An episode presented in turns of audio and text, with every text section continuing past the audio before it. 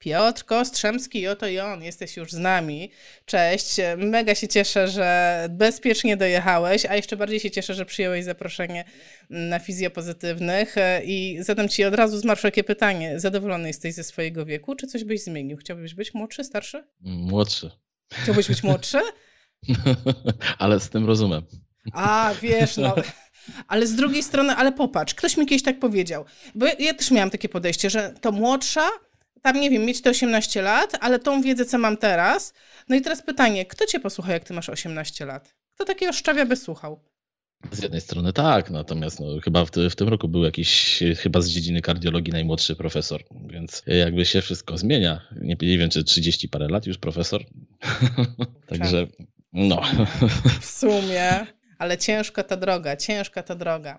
Słuchajcie, Piotr jest z nami. Piotr, ty już od, od października, tak? W październiku się zaczyna rok akademicki. Mhm, tak. na, której, na której to będzie uczelni? No, tajemnicą to nie jest Wyższa Szkoła Edukacji i Terapii, czyli prywatna uczelnia w Poznaniu, ale prawdopodobnie jeszcze w przyszłym roku, a może drugi semestr się będzie też szykował, nie wiem, akademia, znaczy Uniwersytet Medyczny w Poznaniu też, no zobaczymy. Na razie zaczynam sobie tam. Powiem Ci, że dla mnie to jest e, takie, taka totalna nowość, dlatego że dla mnie fizjoterapia internistyczna to jest po prostu w ogóle internistyczna, ale że co, że w internie? No i co, że ja mam pójść na oddział internistyczny? No nie, ale o co chodzi? Że co, że ja bólę brzucha będę leczyć? Weź mi wytłumacz. Można i tak. Można i tak. To znaczy jest to, y, ja trochę tak powiem może inaczej. Moje życie fizjoterapeutyczne zatoczyło takie bardzo duże koło, wręcz bym powiedział, nawet nie koło, bo koło to figura płaska, raczej mm, sferę, ponieważ y, jak zanim poszedłem na studia fizjoterapii, studiowałem no, ponad rok pielęgniarstwo, i oddział internistyczny mnie dobił wtedy, jak mam być szczery.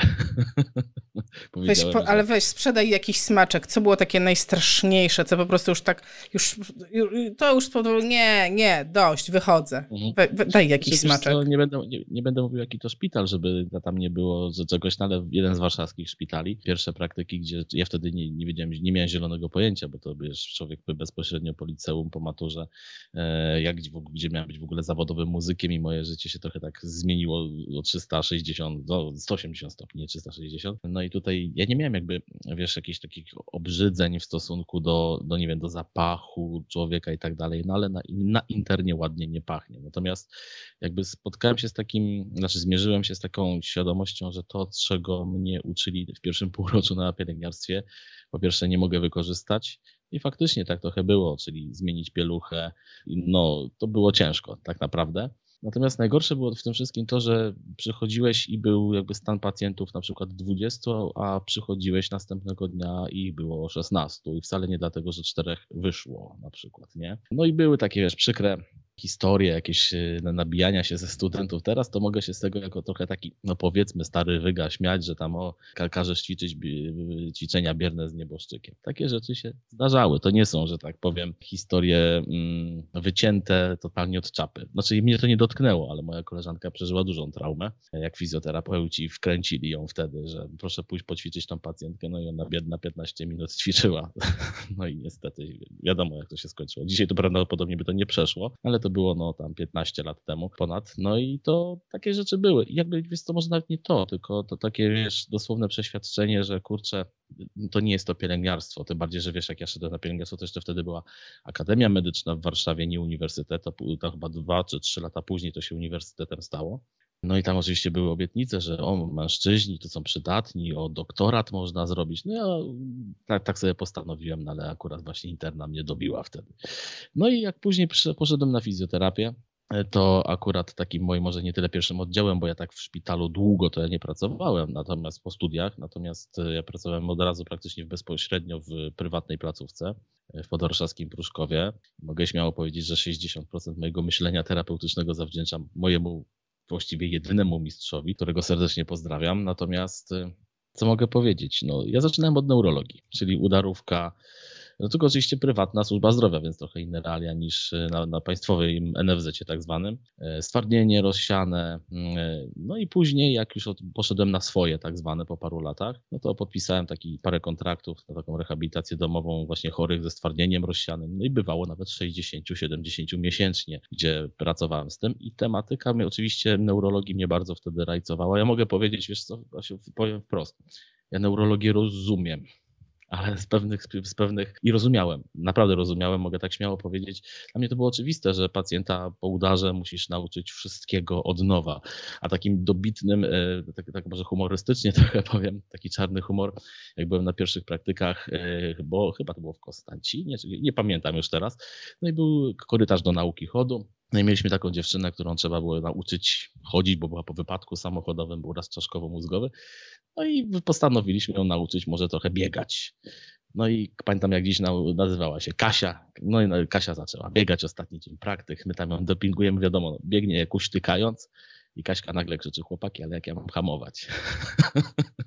i nie wyhamowała, mówiąc prosto. Wiesz, i to, to, to były takie rzeczy, gdzie trzeba było, do, żeby jako student y, zrozumiałem, że naprawdę pacjenta neurologicznego trzeba uczyć wszystkiego od, od podstaw. No wtedy to głównie bazowaliśmy na PNF-ie, na Bobatach to jeszcze wtedy y, Benedykt Bymer, no to tak przodował w Polsce, więc tam na różnych szkoleniach, na sympozjach, jak jeździłem, słuchałem, no to faktycznie otwierało to oczy. No i jeszcze w międzyczasie no, słynna stopa, która jest taką moją jakby gdzieś tam z tyłu, staram się, żeby była już z tyłu, a nie z przodu, taką plakietką towarzyszyła mi. I później z różnych powodów, takich bardziej prywatnych, y, przeszedłem bardziej już na taką nazwijmy to neuroortopedię, bo dla mnie ortopedia bez neurologii nie znaczy wiele. No i pracowałem głównie właśnie z pacjentami po urazach, y, po, po operacjach, przygotowując ich do operacji.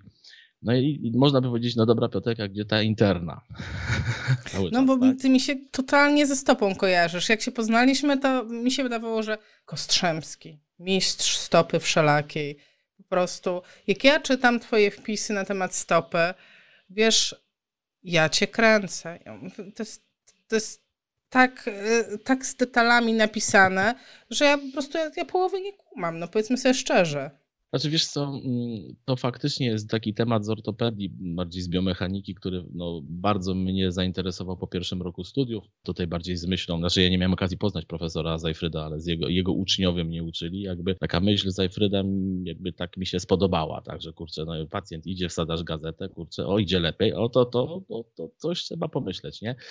No, oczywiście później pojawiły się pewne możliwości dzięki mojemu przyjacielowi Rafałowi, Ruchowskiemu, który otworzył mi taki świat medycyny stopy podiatrycznej, tej australijskiej, tak, i faktycznie no, mogę powiedzieć, że wszystko, co wiem o stopie, e, mówimy o tej najnowszej wiedzy, no to zawdzięczam tamtejszym źródłom, przed czym chylę czoła oczywiście. Natomiast ta interna, ona, wiesz co, ona się pojawiała w takim tle cały czas, ponieważ oczywiście miałem to zajaranie słynne osteopatią, bo studiowałem tam, znaczy studiowałem, uczyłem się osteopatii i nie ukończyłem tej osteopatii finalnie. Natomiast y, właśnie to pokazanie, że ciało człowieka jest jednością i pokazanie mi jako młodemu fizjoterapeucie, że kurczę, musisz jednak to wszystko połączyć, właśnie to dla mnie jest pewną taką, wiesz, interną, tylko tutaj no troszeczkę współczesna wiedza z zakresu osteopatii trochę odjeżdża, moim zdaniem nie w tym kierunku, ale oczywiście połączenia są, no bo przecież człowiek jest jednością, człowiek jest jednością. Natomiast y, cały czas miałem takich trudnych pacjentów, a to reumatologia, bardzo lubię, bardzo lubię tutaj,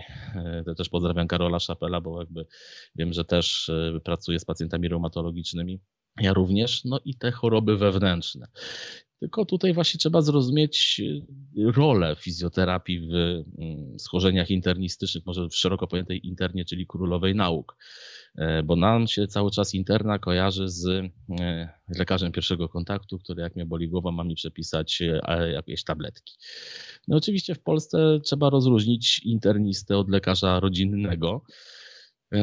Jest to no, niestety słabe, mogę powiedzieć prost. Natomiast y, moje takie umiejętności łączenia faktów, powiem Ci szczerze, 2020 przetestował rok, e, czyli konkretnie COVID, mm, gdzie Oczywiście na początku no, trzeba było się zamknąć, mówimy tutaj o gabinecie. No i później ci pacjenci zaczęli napływać. E, tylko zaczęli napływać. Ja wiedziałem, że będą napływać z problemami, z którymi ja się na co dzień wtedy jeszcze aż w takiej ilości nie mierzyłem.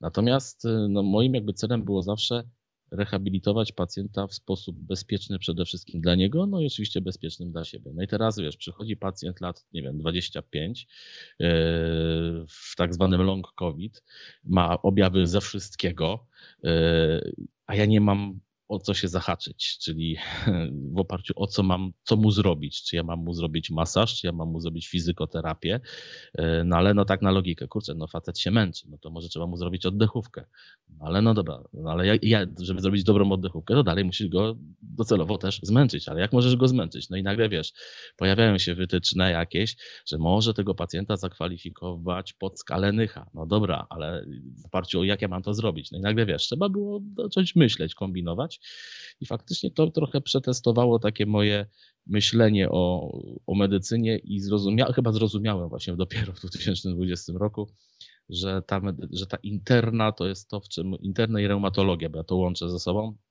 bo nawet ta książka, którą polecam, czyli Wielka Księga Interny Szczeklika, no to tam też jest potężny rozdział o reumatologii, więc tego się praktycznie nie rozdziela. E, no i tak naprawdę zrozumiałem, że fizjoterapia to nie jest mm, to, co, czym ja byłem zajarany na początku, jak widziałem, wiesz, jak mój wykładowca łapie mojego kolegę za szyję, wykręca i manipuluje. No super, fajnie. No tym bardziej, że kumpla bolała szyja dwa lata. Nagle przestała boleć, ok. Yy, już byłem terapeutą manualnym takim, który ja kiedyś nawet liczyłem, ja to często na swoich szkoleniach tłumaczę i mówię, że ja na 20 pacjentów wykonywałem ponad 60 manipulacji. Kupiłem sobie taki, wiesz, jak szachiści mają do, do uderzania. Naprawdę, tak, tak było kiedyś. Także y, można powiedzieć, byłem świrem pod tym kątem, a teraz już nie pamiętam, kiedy nie wiem, w zeszłym miesiącu, czy wykonałem choć raz, no może raz wykonałem jakąś manipulację tam na czymś, tak? No i jakby no fizjoterapia to jest przede wszystkim nauka ruchu. Y, my jesteśmy, powinniśmy być nauczycielami ruchu, e, tylko my powinniśmy umieć obciążać narząd ruchu, mm, chory narząd ruchu. No i tak jak e, kiedyś było, napisałem taki post chyba też na Instagramie, a może nie, bo nawet nie pamiętam, a propos trenerów medycznych, gdzie moim zdaniem ta nazwa troszeczkę myli, bo to są często trenerzy przygotowani do e, rehabilitacji ortopedycznej, tej, gdzie pacjent wychodzi z operacji, idzie na fizjoterapię, wychodzi z fizjoterapii i może pójść do takiego trenera, który coś tam więcej wie na temat tej, tych e, metod operacyjnych i tak dalej. Natomiast uwaga, trenerów medycznych zazwyczaj nie uczy się, że uwaga, kardiologia, czyli wysiłek fizyczny, obciążanie E, układu sercowo-naczyniowego, to to jest tak naprawdę trening medyczny. I jeżeli miałbym powiedzieć prost, tylko krótko, interna to, to interna to są wyznaczniki kardiologiczne.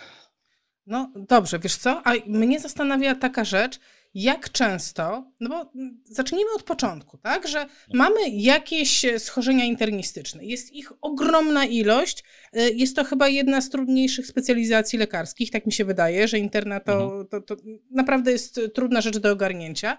No i teraz e, no, gdzieś tam e, podskórnie zachęcasz mnie, Aśka, to teraz kup sobie książkę do interny i zacznij się tego uczyć. A ja mam do Ciebie pytanie, jak często schorzenie internistyczne potrafi naśladować, e, tudzież miksować się objawami z, ze schorzeniami, które są typowo schorzeniami, którymi ja się zajmuję, czyli schorzeniami ruchowymi, czy dolegliwościami bólowymi. Tak?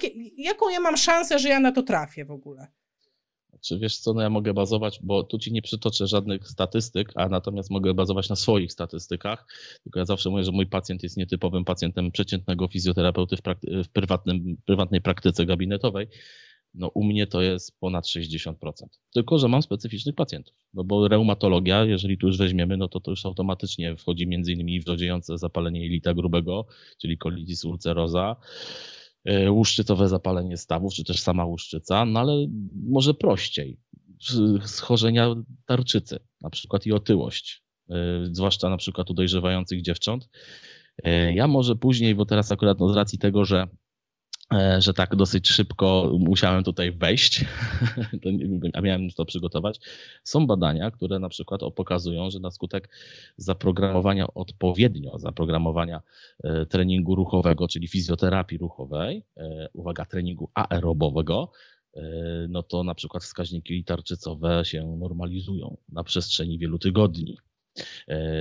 I teraz okazuje się, tutaj jest bardzo ciekawa informacja, że to nie chodzi o to, E, czy wysiłek, jaki, tylko jaka intensywność tego wysiłku. I wcale to nie chodzi o to podnieść rękę, podnieść nogę, tak jak to często wygląda na, na takich ćwiczeniach geriatrycznych, tak? No tylko, że znowu, no musisz mieć parametr, w oparciu który e, będziesz wiedzieć, typu tyle i tyle mogę pacjenta zmęczyć, tyle i tyle mogę nie zmęczyć. E, przewlekłe dolegliwości bólowe kręgosłupa, no, ja na przykład prowadziłem taki kurs e, z biomechanicznego podejścia do schorzeń kręgosłupa i miałem dzień o internie kręgosłupa. No i na przykład, jeżeli przychodzi pacjent i okazuje się, że całkiem nierzadko się to zdarza, przynajmniej w mojej praktyce, ja mogę mówić tylko i wyłącznie o swojej praktyce, no i mam taki objaw, że codziennie rano, proszę pana, jak wstaję, to mnie boli tak, tak na dole, tam w kręgosłupie, ale nie promieniuje do nóg. Mam taką sztywność poranną, ale robiłem badania reumatologiczne, wszystko jest ok. No dobrze. A jak długo ta sztywność trwa? No tak co najmniej godzinę. No i często jak wiesz, tak wejdziesz trochę głębiej w ten wywiad, to nagle ci pacjent e, powie na przykład, znaczy to, to jest taki bardzo charakterystyczny objaw. Wie pan, jak miałem, nie wiem, jakąś tam, przeziębiłem się, poszedłem do internisty, przepisał mi augmentin, czyli, lek, czyli antybiotyk, to tak mnie nie bolało, ale to antybiotyk, który nie przeciwzapalnie działa. No to uwaga, jeżeli w rezonansie magnetycznym zobaczymy zmiany modyczne kręgów, czyli takie stłuszczenia trzonów, to są zmiany MODIK 1, MODIK 2 i to będzie typ drugi, to prawdopodobnie pacjent ma zakażenie trzonu bakterią trądziku. Wow. No i teraz, wiesz, na ten temat badania są i to całkiem niezłe badania. Jeszcze to często koreluje z poziomem witaminy D. No i teraz, y, wiesz, jest problem, no bo teraz tak, ja przecież nie wyzbędę go tej, tej bakterii, no trzeba oczywiście dopytać, no bo ta bakteria jakoś tam musiała się dostać i najczęściej się dostaje na zabiegach śródoperacyjnych, ale, co, ale jak pacjent mówi, pani, ale nikt mi nie rozciąga, nie, nie rozcinał kręgosłupa. No to najproste pytanie, dobra, ósemkę ktoś wyrywał, no pewnie. no i to jest właśnie to. Ja się przepraszam, Asiu, muszę tylko podłączyć komputer, bo się roz, rozładowuje, mm -hmm. także na sekundkę zniknę. Wiesz co, ale to w międzyczasie ja sobie pogadam, bo to, co mówisz, jest. To jest właśnie kwintesencja tego, o czym ja chciałam z Tobą porozmawiać. Nawet e, może postaram się przytoczyć, będziesz musiał mi pomóc, bo oczywiście nie pomnę nazwy jednostki chorobowej, o której pisałeś ostatnio u siebie na Instagramie, ale to była tak, ale to była taka mega historia e, o kobiecie, która przyszła z bólem e, w obszarze stawu schroniowo-żuchwowego. Mhm. E, I no, i, I, to jest ciekawe. Pamiętasz tą kobietę? Opowiedziałbyś o niej? Bo chodzi o to, że trafia do nas kobieta i ona trafia z bólem. Ona nie trafia z czymś takim wydziwionym. Ona trafia konkretnie z bólem. No i teraz ty ją mhm. dopytujesz, co my tam mamy więcej w tym bólu, czyli rozumiem, że poszerzasz wywiad o elementy internistyczne. No bo rozumiem, że to robisz. Tak.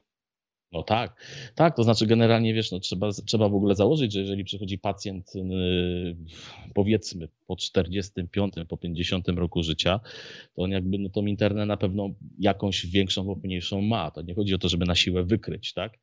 E, natomiast tutaj kwestia jest taka, że pacjentka miała to olbrzymio komórkowe zapalenie naczyń krwionośnych czyli y, które występuje chyba w 60 albo 50%, już teraz nie będę pamiętał tych statystyk, y, najczęściej na tętnicy skroniowej. I ból jest taki typowo skroniowy, tylko cecha charakterystyczna, właśnie po to czyta się te książki, żeby tą jednak metaanalizę coś tam wiedzieć, no bo jeżeli by przyszła do mnie pacjentka w wieku 20 lat z takim samym problemem, to naj, naj, inaczej, nie podejrzewałbym czegoś takiego.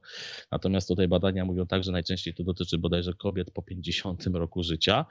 Jest to gwałtowny, nagły, silny ból w obrębie tętnicy skroniowej, gdzie test opłukiwania na przykład tętnicy, czy też test docisku tętnicy powoduje silne wrażenia bólowe promieniujące do stawu skroniowo-żuchwowego i może być to pomylone z półpaścem, tak? No bo obszar bólu jest bardzo podobny, bo to są, to są te gałązki nerwu y, trójdzielnego, tak? No i tutaj najgorsze tak naprawdę było to, że pacjentka, to tam dwa tygodnie z tego co pamiętam, chodziła z lekko podwyższoną gorączką. I jakby tym nikt się nie zainteresował, czyli nikt no, nie połączył faktów. Tam nawet jedna koleżanka, fizjoterapeutka napisała pod postem, że najgorsze jest to, że tacy pacjenci trafiają do nas fizjoterapeutów, bo to powinno być wykryte u lekarza pierwszego kontaktu i nie powinno być skierowania na żadną rehabilitację, tylko na badania diagnostyczne, tak? No i takich, no i to, to, tak się to skończyło, że ja poprosiłem pacjentkę na CITO, powiedziałem, że jeżeli pani jutro z rana zrobi badania, to proszę do mnie pilnie zadzwonić. Pacjentka akurat się posłuchała, zrobiła. No i tam było podwyższone OB i CRP. Powiedziałem natychmiast do lekarza. No i lekarz faktycznie położył pacjentkę do szpitala, bo tam trzeba wykonać biopsję tej tętnicy, no i okazało się potwierdzenie olbrzymiokomórkowe zapalenie tętnicy, e, tętnicy skroniowej. No i pff, tak się to skończyło. Znaczy z bólem głowy, powiem Ci szczerze, Asia, to tutaj właśnie chyba jest najwięcej interny, bo ból głowy może być, oczywiście tak się niby mówi, no dobra, napięcie mięśni podpotylicznych, no okej, okay. tylko że, a czy ktoś w ogóle y, wie, że my mamy ponad 3, chyba 300 typów migren? E, czy że jest słynny, e, słynny formularz ICDH, tak, który tam e, wyróżnia różnego rodzaju typy, że migrena to jest y, nie to, że cię boli głowa i masz aurę, bo tak ja na przykład tak na studiach kiedyś byłem uczony, E, I to jeszcze na pielęgniarstwie, że jak pacjent ma ból głowy z aurą, to to jest migrena. Jak nie ma aury, to to nie migrena, tak? E, a ja sam choruję na zespół Hortona, całe szczęście szósty rok mi idzie remisji, czyli nie miałem żadnego, żadnych dolegliwości bólowych.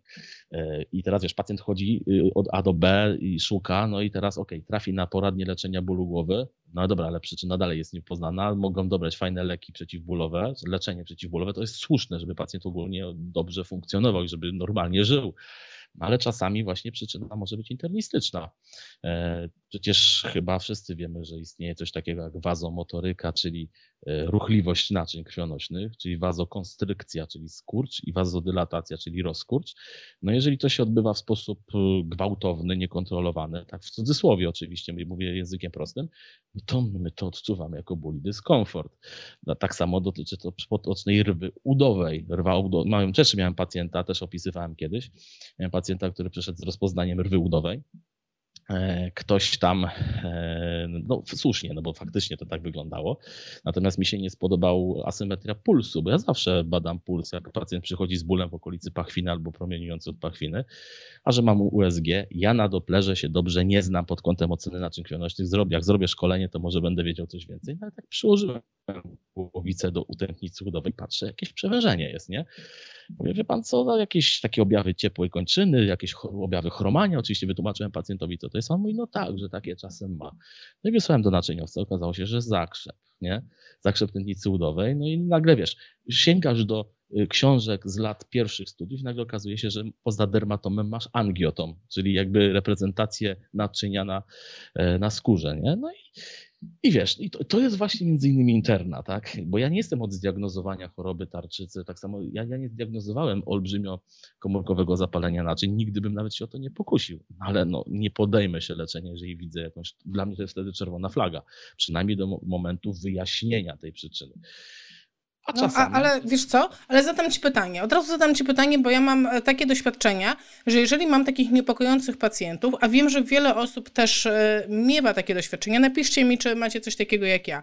I jak odsyłam tych pacjentów do lekarza, na przykład miałam pacjentkę z permanentnie podwyższonym CRP. Permanentnie i po prostu y, z olbrzymim stanem zapalnym w obrębie stawu mostkowo-obojczykowego, z, ze zmianami i wiesz, i ona od lekarza do lekarza, bez utraty entuzjazmu i każdy odpowiadał jedną rzecz, no taka pani uroda, no taka pani uroda, no taka, wiesz, i ja e, po prostu o tą urodę rozbijam się e, po prostu, no nie jeden raz, nie dwa, e, i to z różnymi rzeczami, wiesz, no nie wiem, pacjentka co odkręci głowę, to ma zawrót głowy, co odkręci głowę, zawroty głowy. No dla mnie to jest czerwona flaga, ja odsyłam. Pacjentka wraca od lekarza, no nie, ja tam nie no. widzę żadnych problemów. I wiesz, i jako fizjoterapeuta ja mam ja, ja mam bardzo słabą pozycję do rozmowy z takim pacjentem. No bo ja go nie chcę e, terapiować, ale lekarz uważa, że jednak no, powinnam. Nie ma żadnego problemu, nie ma żadnego problemu. Znaczy, to jest problem tak naprawdę też komunikacji, znaczy, może inaczej kiedyś, no to mówiłem, proszę pójść do lekarza, natomiast teraz jakby ja wydaję dokument, czyli dokładny spis, co zrobiłem, co wynika z tego. I na samym końcu, jak jest zalecenia, jest do, dokładna prośba do lekarza wiesz, troszeczkę prawnie jestem wtedy kryty, bo ja od lekarza żądam, tak, przedstawiam co jest, żądam pewnej odpowiedzi. Jeżeli nie dostaję tej odpowiedzi, to no, pomagam pacjentowi znaleźć takiego, pacjent, takiego lekarza, przepraszam, który pomoże mi w wyjaśnieniu tego, tego, tego stanu rzeczy, tak. Podwyższone CRP z takimi objawami, co mówisz, no i jest to faktycznie prawdopodobnie czerwona flaga dla fizjoterapeuty, no bo co masz zrobić? No, CRP, znaczy wiesz, bo to też jest pewna, pewna taka rzecz, bo nie wiem, czy pamiętasz, bo kiedyś opisywałem, e, bo miałem taki webinar na temat analizy badań laboratoryjnych na potrzeby fizjoterapii i miałem pacjenta, który sam sobie zdiagnozował pewną chorobę. E, i też miał podwyższone CRP, miał podwyższony wskaźnik kinazy kreatynowej, etc., etc., męczliwości mięśni. Na początku było, że to fibromialgia, ale no, nie działa, żadne leczenie, więc sam postanowił rozszerzyć diagnostykę. No i wyszło mu, uwaga, z doktora Google, że ma dystrofię mięśniową. I wiesz, faktycznie objawy się zgadzały. Natomiast ja tak spojrzałem no, naprawdę przez przypadek, o której godzinie był pobrana krew no i krew była o dziwo pobrana o 16, nie? Ja mówię, no dobrze, a gość, wiesz, przeczytał sobie, że na bóle mięśniowe, no to trzeba ćwiczyć, nie? A on, że on miał nadwagę, podwyższony cholesterol, to codziennie biegał. No i jak ja zadałem mu pytanie, no ale ma pan ustalony jakiś program biegowy, nie wiem, 5 kilometrów, a nie, no tak jak już nie mogę, więc to przestaje. No to wiesz, ciągnę dalej temat. A jak wyglądało pobranie krwi, dlaczego było po południu? No bo ja po treningu pobiegłem. No dobra. Ja powiedziałem, wie pan co, to mam do pana prośbę. Cały weekend pan przesiedzi w domu, a w poniedziałek rano pojedzie pan samochodem pod drzwi laboratorium. No i okazało się, że jak gość zrobił tak, jak poprosiłem, czyli odpoczął, wszystkie wskaźniki były w normie. Także to też jest ważne, nie, ale absolutnie tu się, się z Tobą zgadzam. My się często będziemy odbijać od, od, od takiego, no, nie, wiesz, nie przedobrzymy. Znaczy, no co ja mogę poprosić? Czy ja mam błagać lekarza, żeby pan pomógł mi pacjenta, nie wiem, zdiagnozować, wyleczyć? No, z jednej strony może trochę tak, natomiast ja zrobiłem chyba, wydaje, wydaje mi się, właśnie jestem pewien, zrobiłem wszystko, co mogłem zrobić, czyli to ja rozszerzyłem swoją wiedzę na, uwaga, specjalizacje, które wykraczają poza moje kompetencje. Ja otworzyłem internet Szczeklika, ja otworzyłem e, biochemię dla lekarzy, to ja to zacząłem czytać, mimo że takiej wiedzy aż my fizjoterapeuci teoretycznie nie powinniśmy mieć, no to oczekuję, że jestem partnerem dla tego lekarza, no i usiądźmy razem, porozmawiajmy na temat tego stanu tego pacjenta. Są oczywiście nieme przypadki klinicznie, czyli no wiesz, pacjent faktycznie może mieć tendencję do podwyższenia jakiegoś czynnika, no ale no ja muszę mieć tę pewność, to, bo ja tak naprawdę mówiąc prosto, no ja dobiję tego pacjenta, no bo ja chcę go obciążyć, tak? I okej, okay, o ile przy tarczycy obciążenie aerobowe tam na 60-70% tętna maksymalnego, tylko jeszcze trzeba to wyznaczyć jako, jak, jakkolwiek, y, no to, y, no to dobra, super fajnie, że badania mówią, że te, te, te, te 3 tam mi spada, okej, okay. No dobra, no ale no, ja muszę mieć pewność z innych układów, czy, czy, czy mogę, przede wszystkim bazujemy na układzie sercowo-naczyniowym, tak? E, no ale odbijamy się faktycznie, ale no to co, mamy narzekać? No chyba trzeba robić swoje. No dobrze, ale jeżeli byśmy chcieli być tymi lepszymi partnerami dla lekarzy, rzeczywiście poszerzyć swoją wiedzę, wiesz, dosyć trudno jest wciągnąć szczeklika w miesiąc, czy nawet, nie wiem, w pół roku, czy w rok. Wydaje mi się, że to jest, po prostu siedzisz i studiujesz, tak?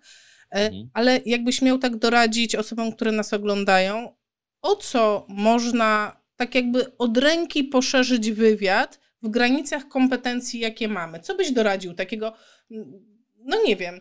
Wiesz co, ja, ja ci dam przykład. Kilka lat temu dla mnie było po prostu objawieniem fizjoterapii, żeby zapytać pacjenta, jak on śpi yy, i jak często on się wypróżnia. Wiesz, to było, to było takie, wow, no przecież to jest ważne. I gdybyś miał coś takiego z dziedziny interny doradzić, to co można włączyć od już w swój wywiad? Na pewno, na pewno właśnie to, czy się wysypia, jak się wysypia, czy, czy budzi się wyspany, tak? Czyli no, idziemy w kierunku takich pytań pod kątem reumatologii, autoimmunologii, e, czy miewa zimne poty albo napady gorąca, na przykład u kobiet w okresie tym okołomenopauzalnym, czy na przykład ma suchość w ustach, czy zaobserwował, że na przykład jedna dłoń się poci, druga dłoń się nie poci, na przykład. Czyli jakieś takie dziwne symptomy, wiesz, y, których na co dzień no po prostu nie mamy. Albo na przykład o, dieta, czy ile pan wody pije, tak? Albo, e, albo na przykład y, jak wygląda ogólnie żywienie, bo to też jest bardzo ważne.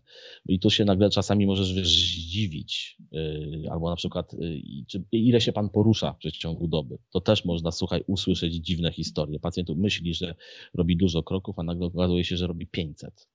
Naprawdę, tak. E, jak ja, jak ja widzę, że pacjent po prostu się nie rusza, to mu daję swój krokomierz do domu i mówię, proszę przyjść za tydzień czasu, ale z buta nie wyjmować. I się pacjent sam zbladł 500 kroków dziennie. No to dobra, nawet jeżeli by się mój krokomierz pomylił o 1000, to dalej jest 1500 kroków. I wiesz, dla tego pacjenta każdy wysiłek wtedy będzie problematyczny i interna dla tego pacjenta zaczyna się, uwaga, na programowaniu obciążenia zgodnie z wyznacznikami kardiologicznymi, czyli traktujemy pacjenta jako słabo, to, takiego, który słabo toleruje wysiłek. Kołatanie serca, ciśnienie, tak? E, czy mierzył sobie puls. I często pacjenci no, nie, nie znają tego, tak? Albo może inaczej. E, kiedy ostatnio robiłeś badania krwi? No powiem niedawno, czyli ile? I nagle się okazuje 5 lat temu, tak? A od kiedy masz te dolegliwości bólowe? No, no tak od, od dwóch lat na przykład, albo od roku. Oczywiście wiesz, nie mówimy o rozszerzeniu wywiadu internistycznego, jeżeli ktoś się schylił dwa dni temu i przychodzi zgięty w pół. Ważne jest oczywiście dopytać to, bo można czasami coś wykryć, ale to jest takie troszeczkę czasami, wiesz, szukanie też dziury w całym i można u pacjenta jakby wytworzyć niepokój. Wiesz, jeżeli przychodzi pacjent i mówi, panie, schyliłem się i nie mogę się wyprostować, bo mi coś strzykło, to daleki jestem od tego, żeby powiedzieć, że ci strzykło dlatego, bo, e, bo masz olbrzymie komórkowe naczyń, zapalenie naczynia krwionośnego, tak? Oczywiście teraz wyolbrzymiam ten problem. Także wydaje mi się, że to są takie, wiesz, bardzo podstawowe rzeczy, bo interna no to są choroby wewnętrzne, począwszy od e, zakażeń grzybiczych, bakteryjnych, czyli wirusologia, też można w to trochę włączyć, no cała autoimmunologia i to, co się najczęściej spotyka, no to przede wszystkim zespół, chorobę Hashimoto, wszystkie te, te choroby odtarczycowe, e, no i oczywiście gastroenterologia. Fakt, I tu można tak powiedzieć wisceralka, tylko ta wisceralka w tym znaczeniu, nazwijmy to mm, nieruchliwości naczynia krwionośnego, wewnętrznego, znaczy nie, znaczy nie tylko narządu wewnętrznego. Nie zaprzeczam, że coś takiego istnieje, tylko mówimy tutaj o schorzeniach narządów wewnętrznych, które mogą się manifestować. No, ja mam y, bardzo dużo colitis, czyli wrzodziejącego zapalenia elita grubego i na ten temat mogę gadać długo, aż za długo, bo to się pojawia bardzo niespecyficznie najczęściej u kobiet młodych i uwaga, nie pojawia się, oczywiście poza tym, że może być jakaś biegunka, wzdęcie i tak dalej, to bardzo często bolą stawy stóp, bolą stawy nadgarstków, y, bolą, uwaga, krętarze. I to może być pomylone mm, z tendinopatią mięśnia pośladkowego, ale może występować wtedy. Dlaczego bolą krętarze? No i tutaj właśnie, jak sobie wejdziemy na przykład na tą fizjoterapię nowotnego, nie, już nie pamiętam, y, tam, tam gdzie są strefy i tak że krętaż to jest strefa jelita grubego. No i nagle wiesz, nagle się może okazać, że można fajnie połączyć, no i masz jelito na przykład, tak? A wysiłek fizyczny w rzodziejącym zapaleniu jelita grubego jest bardzo ważny, tylko musi być bogato tlenowy. No widzisz, y, dla mnie to jest totalnie fascynujące. Ja absolutnie nie mam takiej wiedzy jak ty, ale powiem ci, ostatnio dokształcałam się dla siebie samej y, mhm. z wpływu hormonów na układ generalnie, na układ ruchu, generalnie na u kobiet, tak? No bo to mnie interesowało, ja jestem, ja jestem kobietą, tak? Te hormony tutaj są bardzo ważne i to jest, wiesz, sam o tym wspomniałeś, tak? Że y, masz dużo pacjentów, że tarczyce są problemem, ten okres y, okołomenopauzualny jest problemem, sama menopauza, tak? Y, I to, co było ciekawe, to, że do różnych zaburzeń hormonalnych dopasowane były rekomendacje co do wysiłku fizycznego, że no tutaj zaleca się aerobowy intensywny, a tutaj to się zaleca właśnie, nie wiem, siły nie robić, a robić coś innego i mhm. Mm, wiesz, ale wiesz czego mi brakuje? Brakuje mi jednej publikacji dla fizjoterapeutów, która będzie mi mówiła, jak programować e, te, e, te treningi, tą terapię u pacjentów z różnymi typami zaburzeń internistycznych.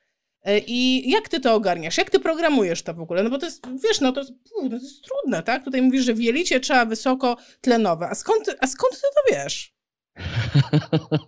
a trochę bochenek, trochę, trochę traczek mi podpowiada. E, widzisz, e, bo podejrzewam, znaczy inaczej, ja jestem w trakcie tworzenia takiego szkolenia, to trochę zareklamuję. Natomiast właśnie nie tylko pod schorzenie internistyczne, żeby nauczyć programować, natomiast widzisz, może inaczej jeżeli rozumiesz fizjologię danego układu, czyli czego układ potrzebuje e, po to, żeby żyć prawidłowo, no najczęściej potrzebuje tlenu, więc może inaczej, mało który układ w naszym ciele będzie wymagał głównie wysiłku beztlenowego. Może tak się umówmy, tak? Więc jest to jakiś pewien, tak, jako wiodący, tak? Więc jest to pewien jakiś taki mianownik, który można sobie za, jakby za, e, założyć. Tylko jest pewien problem jak dojść do tego maksimum tlenu u tego pacjenta. I tutaj właśnie bardzo często potrzebujemy pomocy, no choćby ja na przykład nie boję się wysłać pacjenta na próbę wysiłkową, oczywiście jeżeli widzę taki, e, taki, takie wskazanie. Podam Ci przykład inny. Pewnie ta y, dziewczyna mnie teraz słucha, bo to moja pacjentka, która przyjeżdża do mnie z Wrocławia.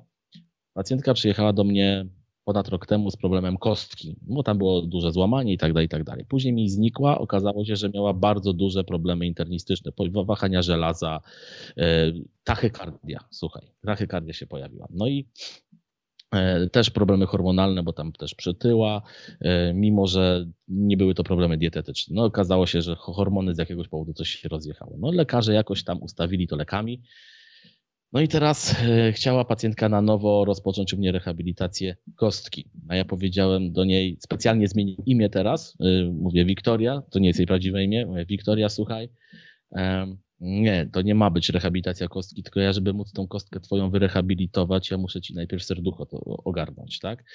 I słuchaj, e, może ja powiem, co ja robię. Mm, jeżeli nie mam pacjenta, który jest czerwoną flagą, tutaj akurat ona dostała zezwolenie od lekarza na aktywność fizyczną, tylko jakby no tak ogólnie, nie? Tak, tak proszę tylko uważać, nie? no ale co znaczy uważać, nie? Mamy takie karnie, gdzie tętno spoczynkowe jest rzędu 95 na przykład, tak? E, ja zazwyczaj pacjentom teraz powinien mi, firma Polar powinna mi zapłacić za reklamę. E, ja polecam, żeby pacjenci sobie kupili pasek Polar H10. No, to kosztuje tam około 400 zł. A zegarek nie może być? Pasek no każesz im nosić kobietom, zegarek. Pewnie. No pewnie. No i słuchaj, i może inaczej powiem. Mam komórkę, mamy założone konto i mam podgląd. Jak sobie na przykład teraz pacjentka jest w trakcie treningu, ja mogę sobie zobaczyć, co ja, ona tam robi, nie?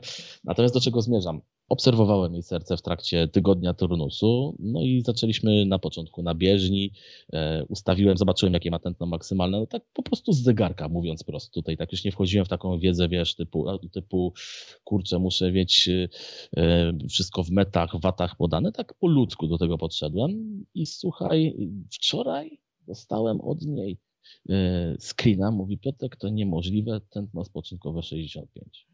A ja mówię, no Mam to trzeba zejść z leków. A ja mówię, trzeba zejść z leków, nie? Ty jeszcze, no bo to było na lekach, nie? Gdzie ona na lekach miała e, spoczynkowe tam 90 coś, nie? I wiesz, i to jest fajne i, i wiesz, co jest najfajniejsze? Pacjentka do mnie mówi, że ona czuje radość z ruchu. I to, to jest chyba dla mnie mega istotne. Inny przypadek, mam pacjentkę po operacji bariatrycznej, po zmniejszeniu żołądka. E, schudła, nie pamiętam, mogę teraz skłamać specjalnie, nie wiem, 60 kilo. E, chodzi dalej w sposób, jakby ważyła plus 60. Znaczy ona była po dwóch operacjach, tak, po dwóch operacjach. E, no i nikt nie powiedział, że ten sposób chodu jest dla niej degradujący pod kątem, no bo jest nieergonomiczny po prostu. No i ja powiedziałem, wie pani co, ale pani się w ogóle rusza, a nie, bo ja ruchu nie lubię. Ja mówię, pani kupi sobie pasek, nie? Słuchaj, ja, mąż na którejś wizycie przyjechał z nią, mówi, że ja pan co, muszę poznać człowieka, który, ja jestem tam, nie pamiętam, 20 czy ileś lat z tą kobietą e, żonaty i mi się nie udało ją zachęcić do ruchu, a teraz jest tak, że przychodzi sobota i ona chce iść na spacer. I wiesz, i teraz kobieta w przeciągu, nie wiem, dwóch miesięcy traci 4 kilogramy, tylko że ona ma przeze, przeze mnie ustalonego maksa, albo sposób, w jaki do tego maksa ma dojść. Na przykład, bo, wiesz, bo na tej aplikacji są kolory, nie? Kolor szary to tam pierwsza strefa tętna, tam niebieski to druga, czy zielony to trzecia. Ja mówię na przykład, dzisiaj proszę taką tą linię narysować, taką bardziej poziomą. I wiesz, babka dostaje super informacje i ona mówi, to jest taki wysiłek, no bolą mnie te mięśnie, ale ja nie cierpię. A zawsze jak chodziłam na jakiś taki trening, jakiś fitness, próbowałam, to po prostu mnie to rozwalało. I wiesz, i to jest też fajne. No, to jest w ogóle, wiesz, mega temat y, fizjoterapia po, po zmniejszeniu żołądka, to ta, tam jest, od, za od cholery do roboty y, pod kątem i strukturalnym, i funkcjonalnym, i jakby internistycznym, bo ona też się lepiej czuje, bo trochę serotoniny dostaje, trochę, wiesz, no całe ciało zaczyna się ruszać w ruchu, który toleruje prawidłowo. Czyli tak naprawdę jest to toler adaptacja też układu nerwowego, żeby przyzwyczaił się, że mm, kurczę, no chce więcej, bo to jest przyjemne. Tak? Więc tak się aż rozpowiedziałem. Niesamowicie, wiesz, niesamowicie o tym opowiadasz. Um na czacie pojawiają się komentarze tylko pozazdrościć, że super wiedza, ale taką mam refleksję, że ja to już powtarzam wielokrotnie, ale jeżeli patrzymy na kogoś i ten ktoś nas fascynuje, tak sobie myślimy, kurczę, Alan jest ekstra, ale ten to wie, to wiecie, co to oznacza? E, nie wiem, Piotr, czy ty się ze mną zgodzisz, ale ja mam, ja mam taką teorię i się jej trzymam, bo to oznacza, jeżeli jesteśmy zafascynowani Twoją wiedzą, że tak naprawdę już dużo to się nie różnimy od Ciebie, e, wiesz o co chodzi, bo wystarczy mhm. tylko odsiedzieć te y, y, hekto, hektogodziny nad tą książką i będziemy tacy sami. A mhm. gdyby była książka albo szkolenie, no tak jak mówisz, planujesz szkolenie z tej dziedziny, no po prostu osom, bo y, no ja nie znam książki, która by mi kompleksowo dała taką wiedzę. Joanna, w reumatologii, w łuszczycowym zapaleniu stawów, to prowadzisz ćwiczenia w takich i takich seriach, z takim i takim obciążeniem, tyle i tyle razy w tygodniu. Ale jeżeli masz chorobę autoimmunologiczną o nieznanym podłożu, bo napisała, wiesz, tutaj na czacie Agnieszka napisała, ja mam mnóstwo pacjentów z autoagresją w ogóle niezdiagnozowanych, no diagnozowanych latami, gdzieś tam, że, on, że wiadomo, że oni mają tą autoagresję, ale w sumie nie wiadomo, co im jest.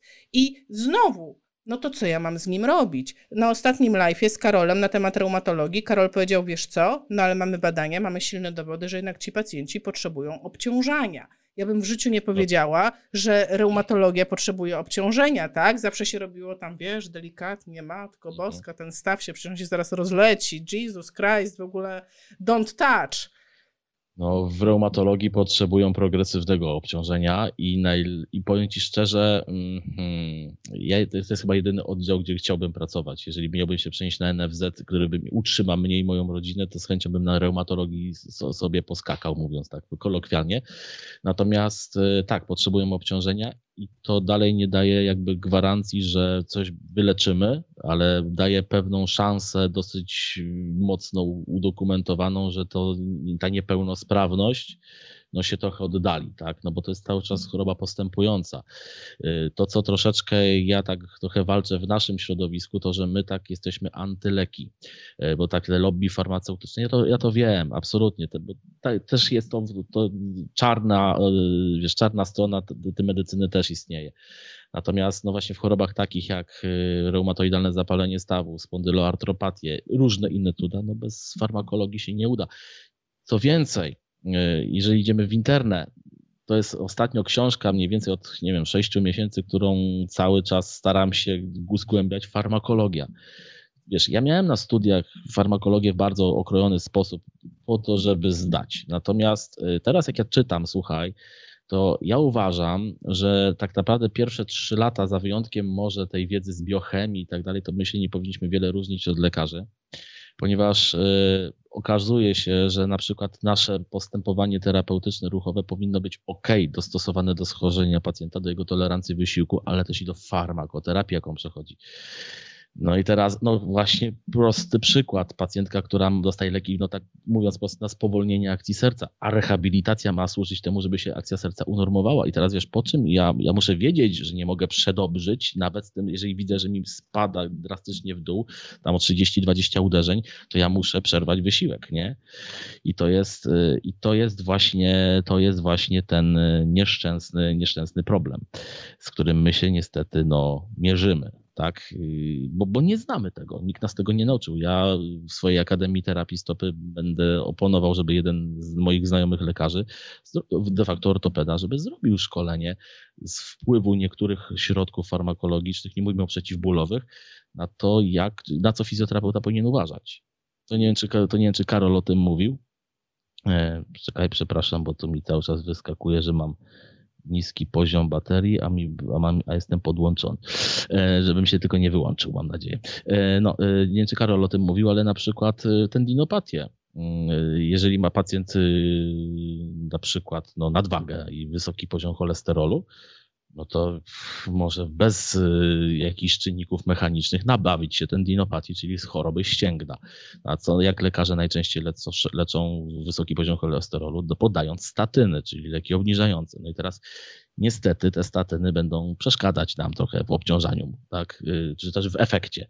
I nieważne, czy pacjent je bierze, czy nie będzie ich brał, to efekt będzie bardzo podobny. I to jest też dla mnie w rehabilitacji, to jest dla mnie efekt y, i informacja mega istotna, że muszę pacjenta poinformować, że nie będzie efektu wow po sześciu tygodniach. I to jest też dla mnie ważna informacja, że ja się też nie nastawiam psychicznie, że kurczę, dam radę, będzie zajebiście, wiesz, za parę tygodni, tak? Tylko trzeba pacjenta o tym poinformować i, i umiejętnie porozmawiać na ten temat. No to to jest wyzwanie. Wiesz, Agnieszka napisała, że była kiedyś taka pozycja chyba kocha z metodyką fizjo dla internistycznych zaburzeń. Żółta książeczka z czarnymi napisami. Znasz takie mhm. coś? Znam takie coś. A polecasz? Znam takie coś. Polecam na początek. No, wiesz, tak. no, zawsze lepiej zacząć od czegoś niż e, od niczego. Ewelina pisze, wow, pierwszy raz interna jest dla mnie ciekawa. Ja przeczytam w międzyczasie wasze komentarze że jak się nudzi, to odechciewa się treningu, a tutaj jest konkretne zadanie z biofeedbackiem do wykonania. I ja wam powiem, ja też mam takie same doświadczenia, że jednak jeżeli jest takie kawa na ławę, e, zwłaszcza, że teraz mamy w każdej komórce dostępne informacje, że po prostu ten pacjent może nosić tą komórkę ze sobą i możemy sprawdzać ten poziom aktywności, bo moje doświadczenie w momencie, kiedy pytałam pacjentów, a jak dużo ma pan aktywności ruchowej? Piotr mówił, żeby się zapytać, jak dużo ma pan aktywności e, i co pan je to moja najczęstsza odpowiedź od pacjentów to była, no nie, no ja się świetnie odżywiam, ja nie mam żadnych problemów z odżywianiem, ja się bardzo dobrze odżywiam, no i ja się ruszam. No i po prostu nie ma dyskusji z czymś takim, bo no, no cóż, ja, cóż ja poradzę.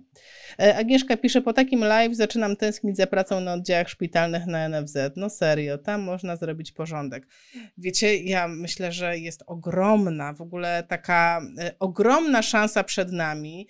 E, jest w tej chwili taki dobry klimat, wydaje mi się, dla fizjoterapii. Jeżeli tylko będziemy chcieli, jeżeli będziemy parli do przodu, będziemy właśnie poszerzali swoją wiedzę tak, żeby być tym takim partnerem dla lekarza, to właśnie my mamy szansę coś zmienić, tak jak pisze Agnieszka. Tylko no, trzeba troszeczkę chcieć. Chociaż na przykład zastanawiam się, e, nie wiem Piotr, czy w ogóle, czy ty mnie słyszysz teraz będąc e, w słuchawkach, czy ja dalej jestem u ciebie w uszach, ale Piotr jest bez słuchawek, więc chyba mnie nie słyszy, ale e, ja się zastanawiam, czy na przykład e, napiszcie, jeżeli pracujecie na takich oddziałach typowo nfz i to takich oddziałach takich niepopularnych, typu właśnie, typu właśnie reumatologia, interna, czy jeżeli byście wbili na taki oddział, na przykład pracujecie na reumatologii od 10 lat i chcielibyście przyjść i mówić, dobra, teraz to ja będę profesjonalnie, zgodnie z EBM, zacznę obciążać tych pacjentów, zacznę robić coś, co ma więcej sensu, to czy macie szansę rzeczywiście to zrobić u siebie na oddziale? Jestem bardzo ciekawa. E, nawiązuję, Piotr, do tego, że, że powiedziałeś, żebyś popracował, żebyś, żebyś popracował na reumatologii, a ja jestem ciekawa właśnie, e, na ile, e, załóżmy, ordynator, lekarze, starsi koledzy pozwoliliby ci wdrożyć nowe rzeczy. Bardzo jestem ciekawa. Znaczy, wiesz co, ja się trochę spotkałem, jak ja pierwsze szkolenie z globalnej terapii stopy poprowadziłem, ale z, z globalnej, z globalnej, bo to wcześniej się nazywało tam y, badanie manualne biomechanika stopy. E, poprowadziłem w roku chyba 15 albo 16. Mm, no i zaprosiłem 20 ortopedów. Ja byłem jeden, jedyny fizjoterapeuta. No to ja oczywiście pozdrawiam bardzo serdecznie i to nie mówię teraz w ironii. E, no do pierwszej przerwy chcieli mnie zjeść, później jak zacząłem rzucać trochę badaniami, tak wiesz, no do, jak do ludzi wychodzi, bo nigdy, wiesz, ja nie wykorzystuję bowiem czegoś takiego jak pozycja wykładowcy, yy, słuchaj mnie, bo, bo ja tu jestem, no nie, nic, nigdy czegoś takiego nie robiłem i nie będę robił. Yy, wolę jakby nabyć szacunku sposobem przedstawiania wiedzy i wiedzą ewentualnie jaką dysponuję, o ile w ogóle jakąś dysponuję. Natomiast zmierzam do tego, że później jakbyśmy tak zwanej integracji, E, dobrej integracji, to później się dowiedziałem, bo to byli młodzi ortopedzi. Właśnie jeden, jeden mi powiedział, Piotrek, my tak większość z tych rzeczy, co ty mówisz, my je wiemy, ale kurczę, jest coś takiego jak zwyczaje oddziałowe. Żebym ja to wprowadził, to właśnie ordynator musiałby odejść, jego zastępca, jego najwięksi wyznawcy. Wiesz, troszeczkę to tak jest, nie chcę jakby tu wpadać w jakieś teorie spiskowe, E, no ale też e, w ortopedii, bo o ortopedii, jeżeli mówimy, to też jest problem instrumentarium. Ja mam kolegę, który potrafi operować e, halux valgus na, nie wiem, 100 sposobów, no ale mówię, co z tego, jak ja na NFZ mogę zrobić na 5, bo nie mam narzędzi, tak? I to jest też druga strona medalu, z którą się też mierzymy, tak? Natomiast w, no, w internie, wiesz, no to jest właśnie to, czy, czy jeżeli ja bym nawet na tą reumatologię poszedł, y, jeżeli wiesz, by nikt mi nie pozwolił działać po swojemu, tak, znaczy po swojemu. Ja nie chcę być jakby outsiderem raczej, tylko ja bym chciał robić tak, jak się należy, tak, e, no to jest kwestia też rozmowy. I wiesz, ja uważam, że jeżeli ja jestem młodszy, to starszemu ustępuję miejsca i starszemu pierwszemu się kłaniam. Zawód fizjoterapeuty w stosunku do zawodu lekarza jest młodszy, więc to niestety od nas powinna wyjść inicjatywa, uwaga, nie tylko ej ty, bo chcę mieć ciebie w swoim zespole, jesteś ortopedą lub internistą, dlatego wyjdźmy z tą wiedzą i z jednym jakby e, z nomenklaturą, o, o której my mówimy, żeby nagle nie było, że nie mamy wspólnego języka, bo walczyliśmy o zawód medyczny, jak wyszło, tak wyszło. Długo jeszcze się pewnie niewiele zmieni w systemie edukacji. To jest wina po stronie z kolei uczelni też, niektórych, tak. Ja nie chcę też wchodzić zbyt szeroko to. Wiesz, ja też jak będę na uczelni, to wiem, że nie zrobię wszystkich testów, ale wiesz, wysiłkowych na przykład. Natomiast wiesz, ja bym chciał pokazać, co może zrobić fizjoterapeuta w takim normalnym gabinecie. Wiesz, jeżeli ja bym się wyspecjalizował tylko i wyłącznie w kardiologii, to pewnie, no bo ja mam bieżnię na przykład, tak, to pewnie tą bieżnię bym sprzedał, kupił bieżnię za 15-20 tysięcy i robił testy wysiłkowe i pod to ustalał programy treningowe, tak. Ale że nie jest to bezwzględnie teraz do życia potrzebne, może kiedyś, no to, to, są, to jest właśnie takie fa, fa, fajna zabawa, w cudzysłowie zabawa, parametrami, które mogę zmierzyć, tak, w oparciu o które mogę pacjentowi powiedzieć, jak on ma się zmęczyć, bo często wiesz, pacjent się pyta, no ale to jak mam się zmęczyć? Kiedyś było taka, takie powiedzenie, że tak zwanego wysiłku konwersacyjnego, czyli na przykład idziesz sobie i sobie recytujesz Litwą ojczyzno moja i nagle zaczynasz padać w zadychę, to za szybko. Okej, okay, ale to często jesteś już zbyt wysoko, e, jeżeli mówimy o kardiologii, to ty już na tym wysiłku e, poza konwersacyjnym jesteś zbyt wysoko tętnem, no i możesz sobie de facto zaszkodzić, tak? A generalnie kardiologia jest fajna, tylko no, y, ja raczej bym nie chciał się zajmować tą kardiologią taką bezpośrednio, y, gdzie pacjent wychodzi ze szpitala po pomostowaniu i tak dalej. Poza tym do mnie się nie umówi w tak szybkim terminie. Natomiast później, dlaczegoż by nie? To, to jest fajne, bo widzisz, że pacjent się zmienia, staje się bardziej aktywny, w ogóle wiesz, inny człowiek, tak? Tak samo ostatnio do mnie pacjentka napisała, że dziękuję mi, że, że wyleczyłem jej ból kręgosłupa, a jak wyleczyłem? Powiedziałem, proszę się zacząć ruszać i powiedziałem, co może zacząć robić. I uwaga, wymieniłem chyba siedem rzeczy. Wybrała jedną. Powiedziała, że to był strzał w dziesiątkę. Tylko wiesz, to nie jest tak, że E, patrzysz na pacjenta i w wywiadzie tym internistycznym, o mało się rusza, o to proszę się zacząć ruszać. Nie, nie, nie, no to wiesz, to wynika też z badania, tak? Żebyśmy też tak nie pomyśleli, że o, strzelam, że o mało ruchu, to pewnie to. Często tak jest, że trzeba się po prostu ruszyć i, i będzie troszeczkę lepiej, a czasami to to dosłownie wyleczy. Ale też nie zawsze. Na w covid powiem Ci szczerze, do dzisiejszego dnia przychodzą pacjenci. E, ja, jeden się już mi uspokoił, bo ja jestem w Poznaniu od 6 lat znaczy, to znaczy uspokoił, jak, jak wyszedł po szpitalu. Ja mu powiedziałem, że gdyby nie to, że go znam 6 lat, to bym pomyślał, że ma nowotwór złośliwy. Więc wiesz, gwałtowna, gwałtowny spadek wagi, wszystko, badania są w normie, no ale dedimery, czyli te wskaźniki krzepliwości, po prostu wszystko szaleje, tak? Ja nie mogę się nim zająć, bo powiedziałem, że póki mi nie unormuje tego, to ja w życiu się nie podejmę czegokolwiek innego, żeby jego obciążyć o masażu, jakiejś terapii manualnej nie wspomnę. No i wiesz, i powoli wychodzi na prostą. No ale to, to są właśnie takie rzeczy, no, o których trzeba mówić. Tak samo słynna tarczyca, co, co, co powiedziałaś, te choroby, znaczy choroby, te zaburzenia około menopauzalne, czy nawet, uwaga, całe szczęście u dziewczynek dojrzewających się obserwuje również wahania hormonalne, to takie, których kiedyś podoć nie było. I wiesz, bo nie ma ruchu. Faktycznie nie ma ruchu, tak?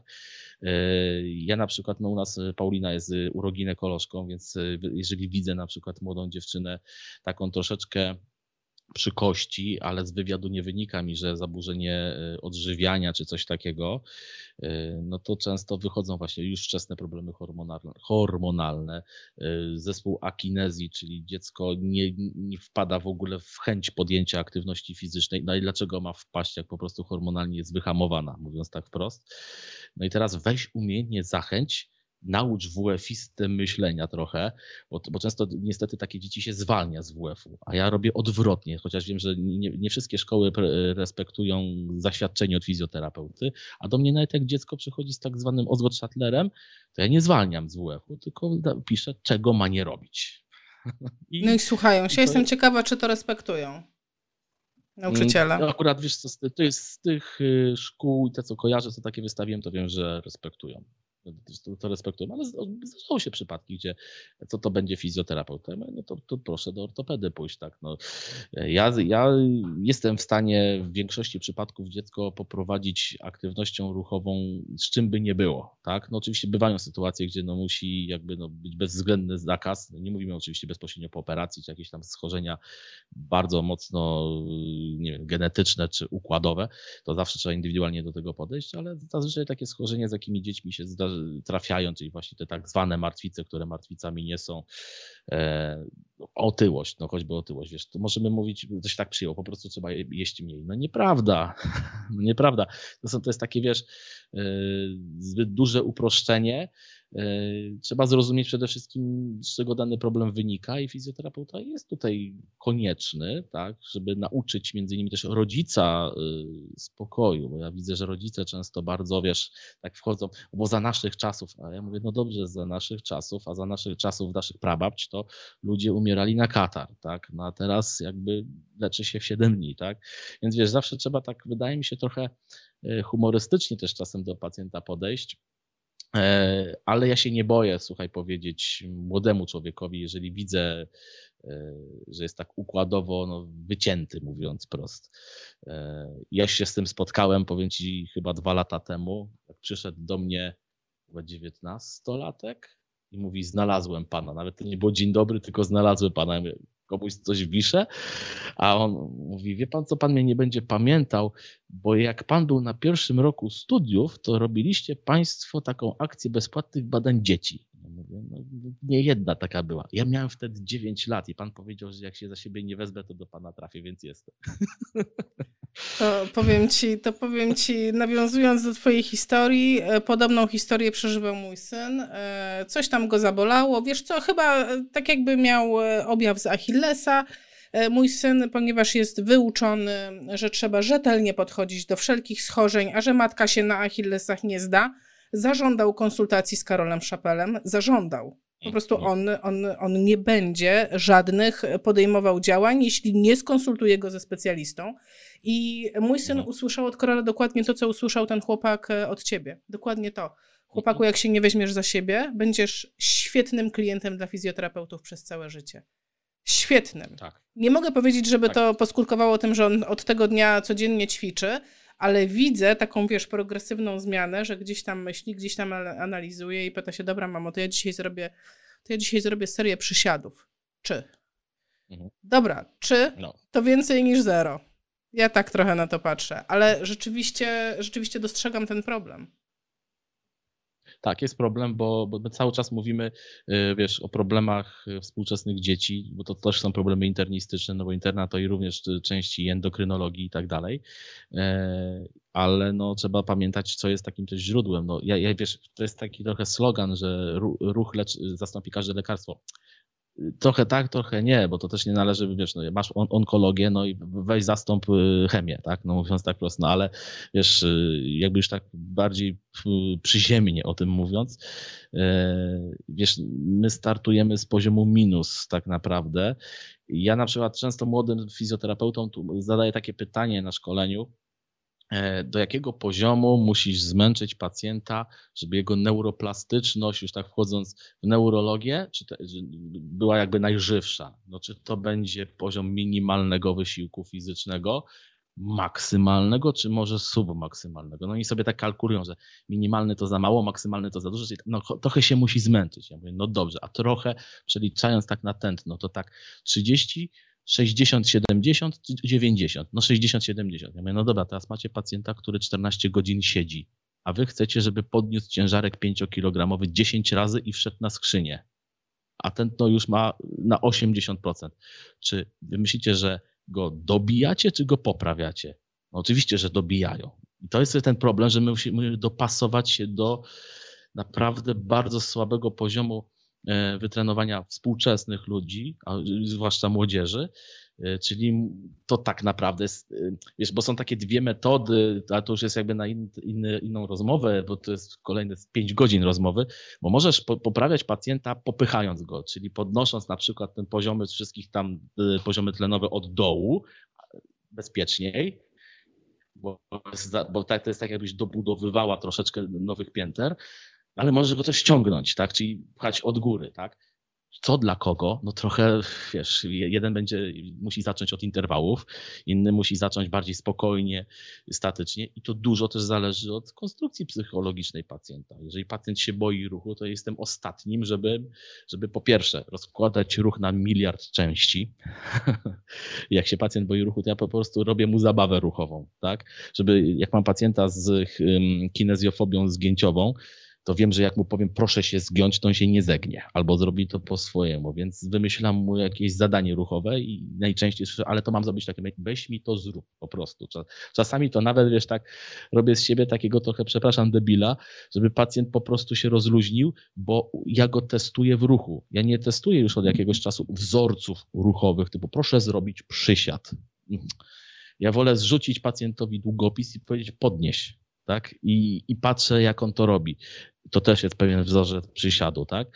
E, albo przestawiam krzesło, może pan tutaj usiąść i widzę w jego takiej spontaniczności pewien wzorzec motoryczny i to jest dla mnie ocena, e, gdzie jestem w stanie no, coś więcej wywnioskować, tak? Oczywiście no brakuje, wiesz, y, bo to jest cały czas ocena wizualna, tak? Natomiast no, mówi mi to coś więcej niż o tym, proszę zrobić przysiad do 90 stopni zgięcia w stawach kolanowych. No właśnie, nie? No ale to, to, to, jest, to, jest, właśnie, to jest właśnie to. I, I, tak samo ja na przykład jak widzę, że pacjent się męczy i to jest bardzo fajne, wiesz, jak stoję obok niego, pacjent idzie mi na bieżni i widzę potentnie, że spokojnie jeszcze może tak porządnie z 20 minut walnąć, ale widzę już, o męczę, męczę się, mówię, no dobrze, a, a co pan czuje? No, po tym nie zalewają. Mam, ale coś jeszcze?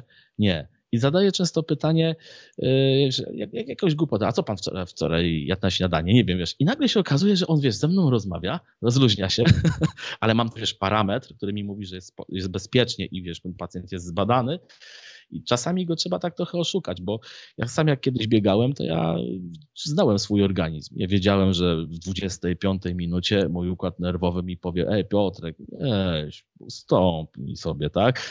No i wiedziałem, że muszę coś w tej 25 minucie zrobić, czyli na przykład, nie wiem, stanąć, podskoczyć parę razy do góry, czyli coś zmienić, żeby no, mój organizm zrozumiał, że jeszcze ma tego, te, te, tego czasu troszeczkę.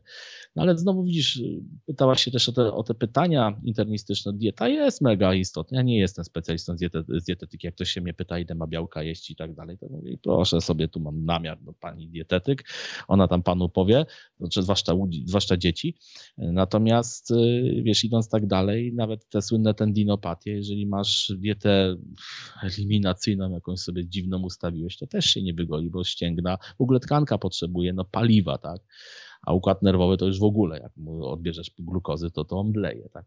Więc a takie rzeczy miałem w cukrze, właśnie, kolejna cukrzyca, no, stopa cukrzycowa i tak dalej, no to, to mam też wysiew tego. To są ci pacjenci geriatryczni, no i tutaj stopa cukrzycowa, no to tak naprawdę jest znowu naczyniówka, no bo y, brakuje, jest deficyt ruchu stawu skokowego górnego zgięcia grzbietowego, czyli nie ma pompy łydki, czyli metabolity wszystkie wprost kiszą się w łydce.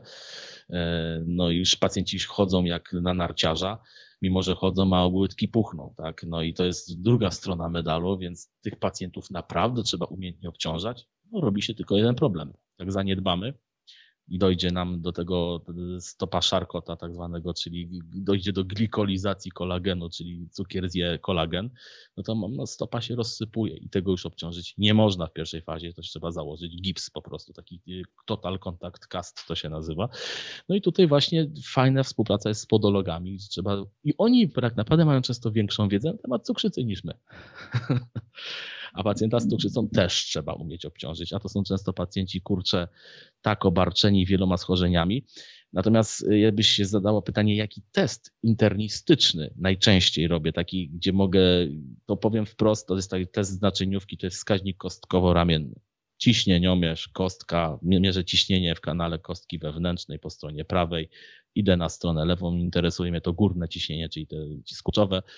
Jeżeli wyjdzie mi poniżej jedynki, to, to, to, dzielenie, tak? Czyli to, co mi wyjdzie na, na kostce, czyli na przykład 180 mi wyszło, to 180 dzielę na przykład na 120, bo 120 było na ręce, wychodzi mi poniżej jedynki, nie biorę się za rehabilitację. A miałem paru pacjentów, gdzie nie wypuściłem z gabinetu, wzywałem karetkę. Co ty mówisz? A o czym świadczy taki zawyżony wskaźnik? Zaniżony. Zaniżony? Zaniżony. Y, niedokrwienie kończyny. Zespół niedokrwienny. A pacjenci przychodzili z chromaniem, nie? Bo, bo mi się łydka męczy, bo, bo, bo, bo nerw kulszowy ma uciśnięty, na przykład. No tylko, że wiesz, to, to nie jest tak, że od razu, o, biorę, biorę ciśnieniomierz, bo warto, tylko, no wiesz, widzę zmianę ciepłoty, widzę na przykład, y, że tętna nie mogę wyczuć po jednej stronie, albo tętno jest bardziej takie e, głuche, tak, albo na przykład tętnica jest jakby rozszerzona w, tak w palpacyjnie, no teraz mam USG, no to sobie mogę zbadać też tam pod USG, zobaczyć, czy ta tętni, czy, czy, czy mi się wydaje. Natomiast, y, no, to, są, to jest często u pacjentów właśnie z takim objawem chromania kończyny dolnej, obrzękiem kostek albo młodych pacjentów po kopnięciu w łydkę. Matko z córką, no, no ale powiedz mi, gdzie przeciętny fizjoterapeuta może się nauczyć mierzenia tętna w różnych miejscach na kończynie dolnej? No ja uczę na przykład. To znaczy, no ja, nie no fajnie, nie super. To, no ale no, nie każdy jest w Poznaniu. No. Nie, nie, nie, ja, ja Wiesz, bo to jest trudne, bo to, jest, bo to są nasze kompetencje. Na przykład mnie tego nikt nie uczył, więc e, ja nie potrafię tego robić. Nawet nie wiedziałabym, gdzie te ręce przyłożyć, tak? No rzeczywiście, no. słucham ciebie i myślę, kurczę, Aśka, ile rzeczy jest ważnych, ile rzeczy powinnaś jeszcze więcej wiedzieć. A, a mnie już wywiad zajmuje półtorej godziny. Ja już teraz pierwszą wizytę u pacjenta półtorej godziny spędzam i po prostu e, to, to jeszcze więcej? Ma, Agnieszka pyta, czy ten test ma jakąś nazwę test ABI, ABI, czyli Ankle Brachial Index, tak? Po angielsku lub wskaźnik WKR, czyli wskaźnik kostka ramię.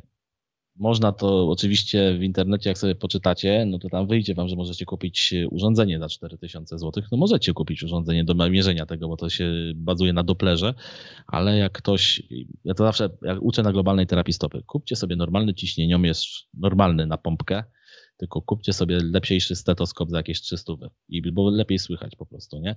Pacjent musi się położyć na wznak, poleżeć z 5 minut, a najlepiej z 15, no ale dobra, znamy realia, tak? Niech te 5 minut sobie chociaż poleży. Mierzymy mu ciśnienie w kanale kostki przyśrodkowej stopy, czyli tam, gdzie jest tętnica piszczelowa. Interesuje nas to pierwsze łup, łup, co usłyszymy w słuchawce. Zapisujemy sobie, niech to będzie 180. Idziemy na toż samą rękę. Klasycznie mierzymy ciśnienie na kończynie górnej. Też interesuje mnie pierwsze łup łup, niech wyjdzie 120 i 180, czyli to, co wyszło na stopie, dzielimy na to, co wyszło na ręce i ma być zawsze powyżej 1.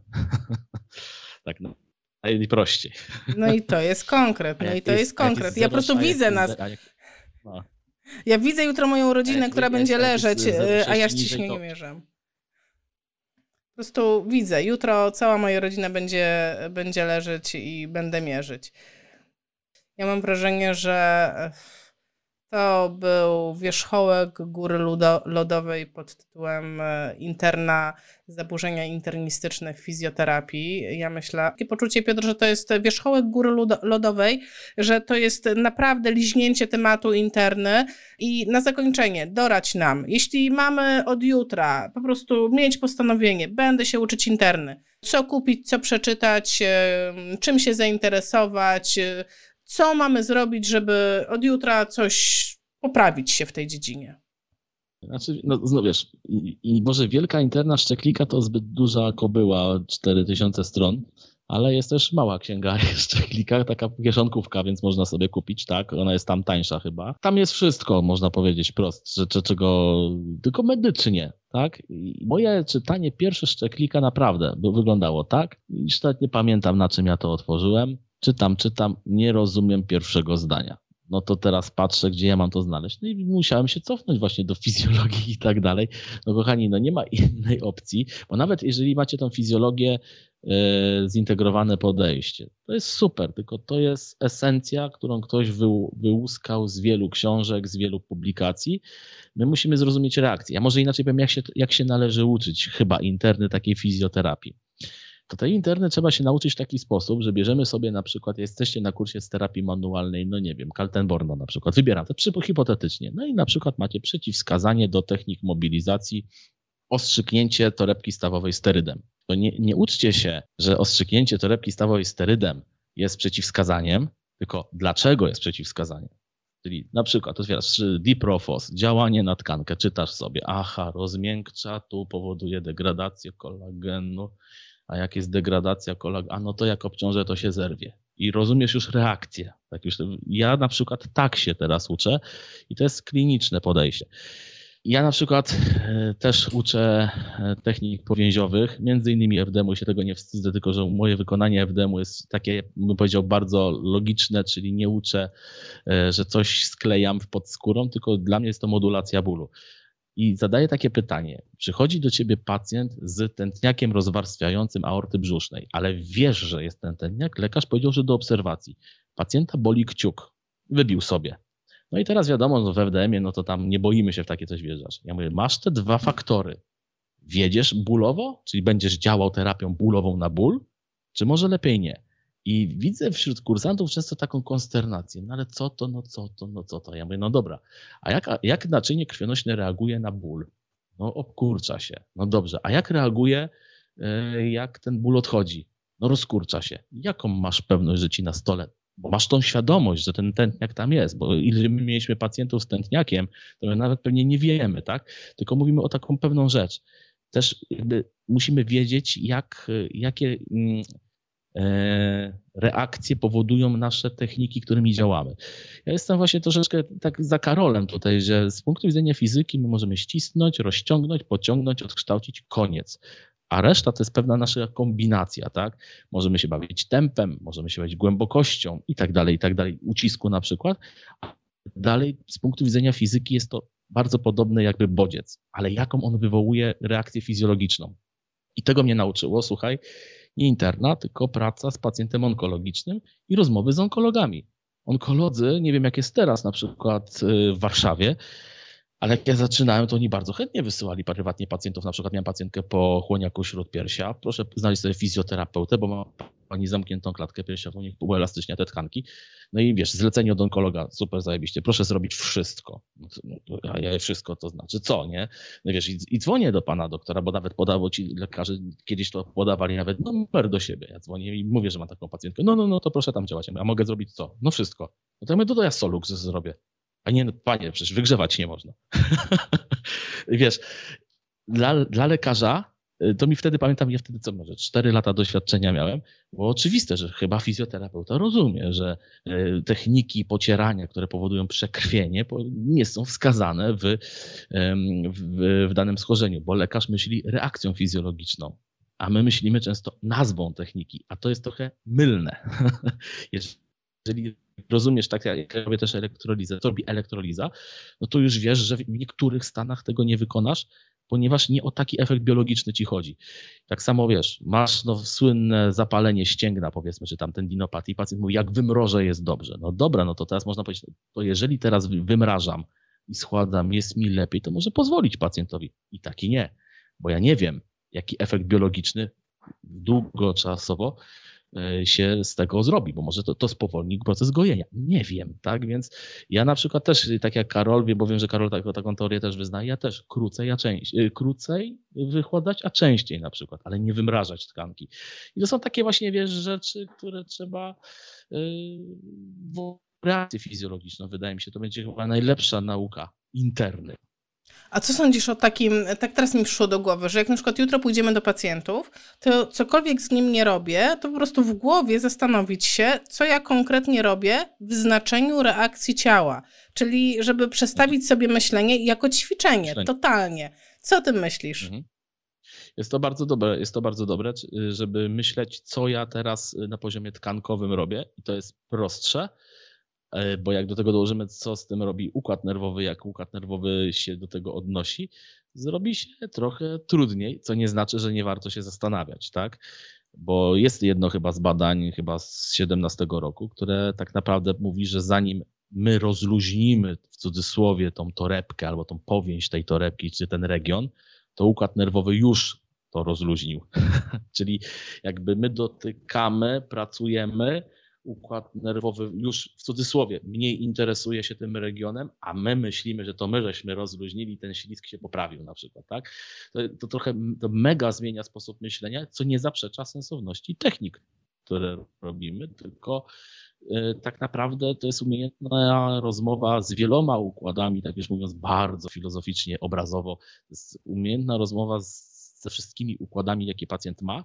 E, no i tylko pytanie, jaki efekt chcesz uzyskać? Mnie tego nauczył świętej pamięci profesor Król, profesor który pamiętam jak e, pojechałem na zdjęcia Poznania.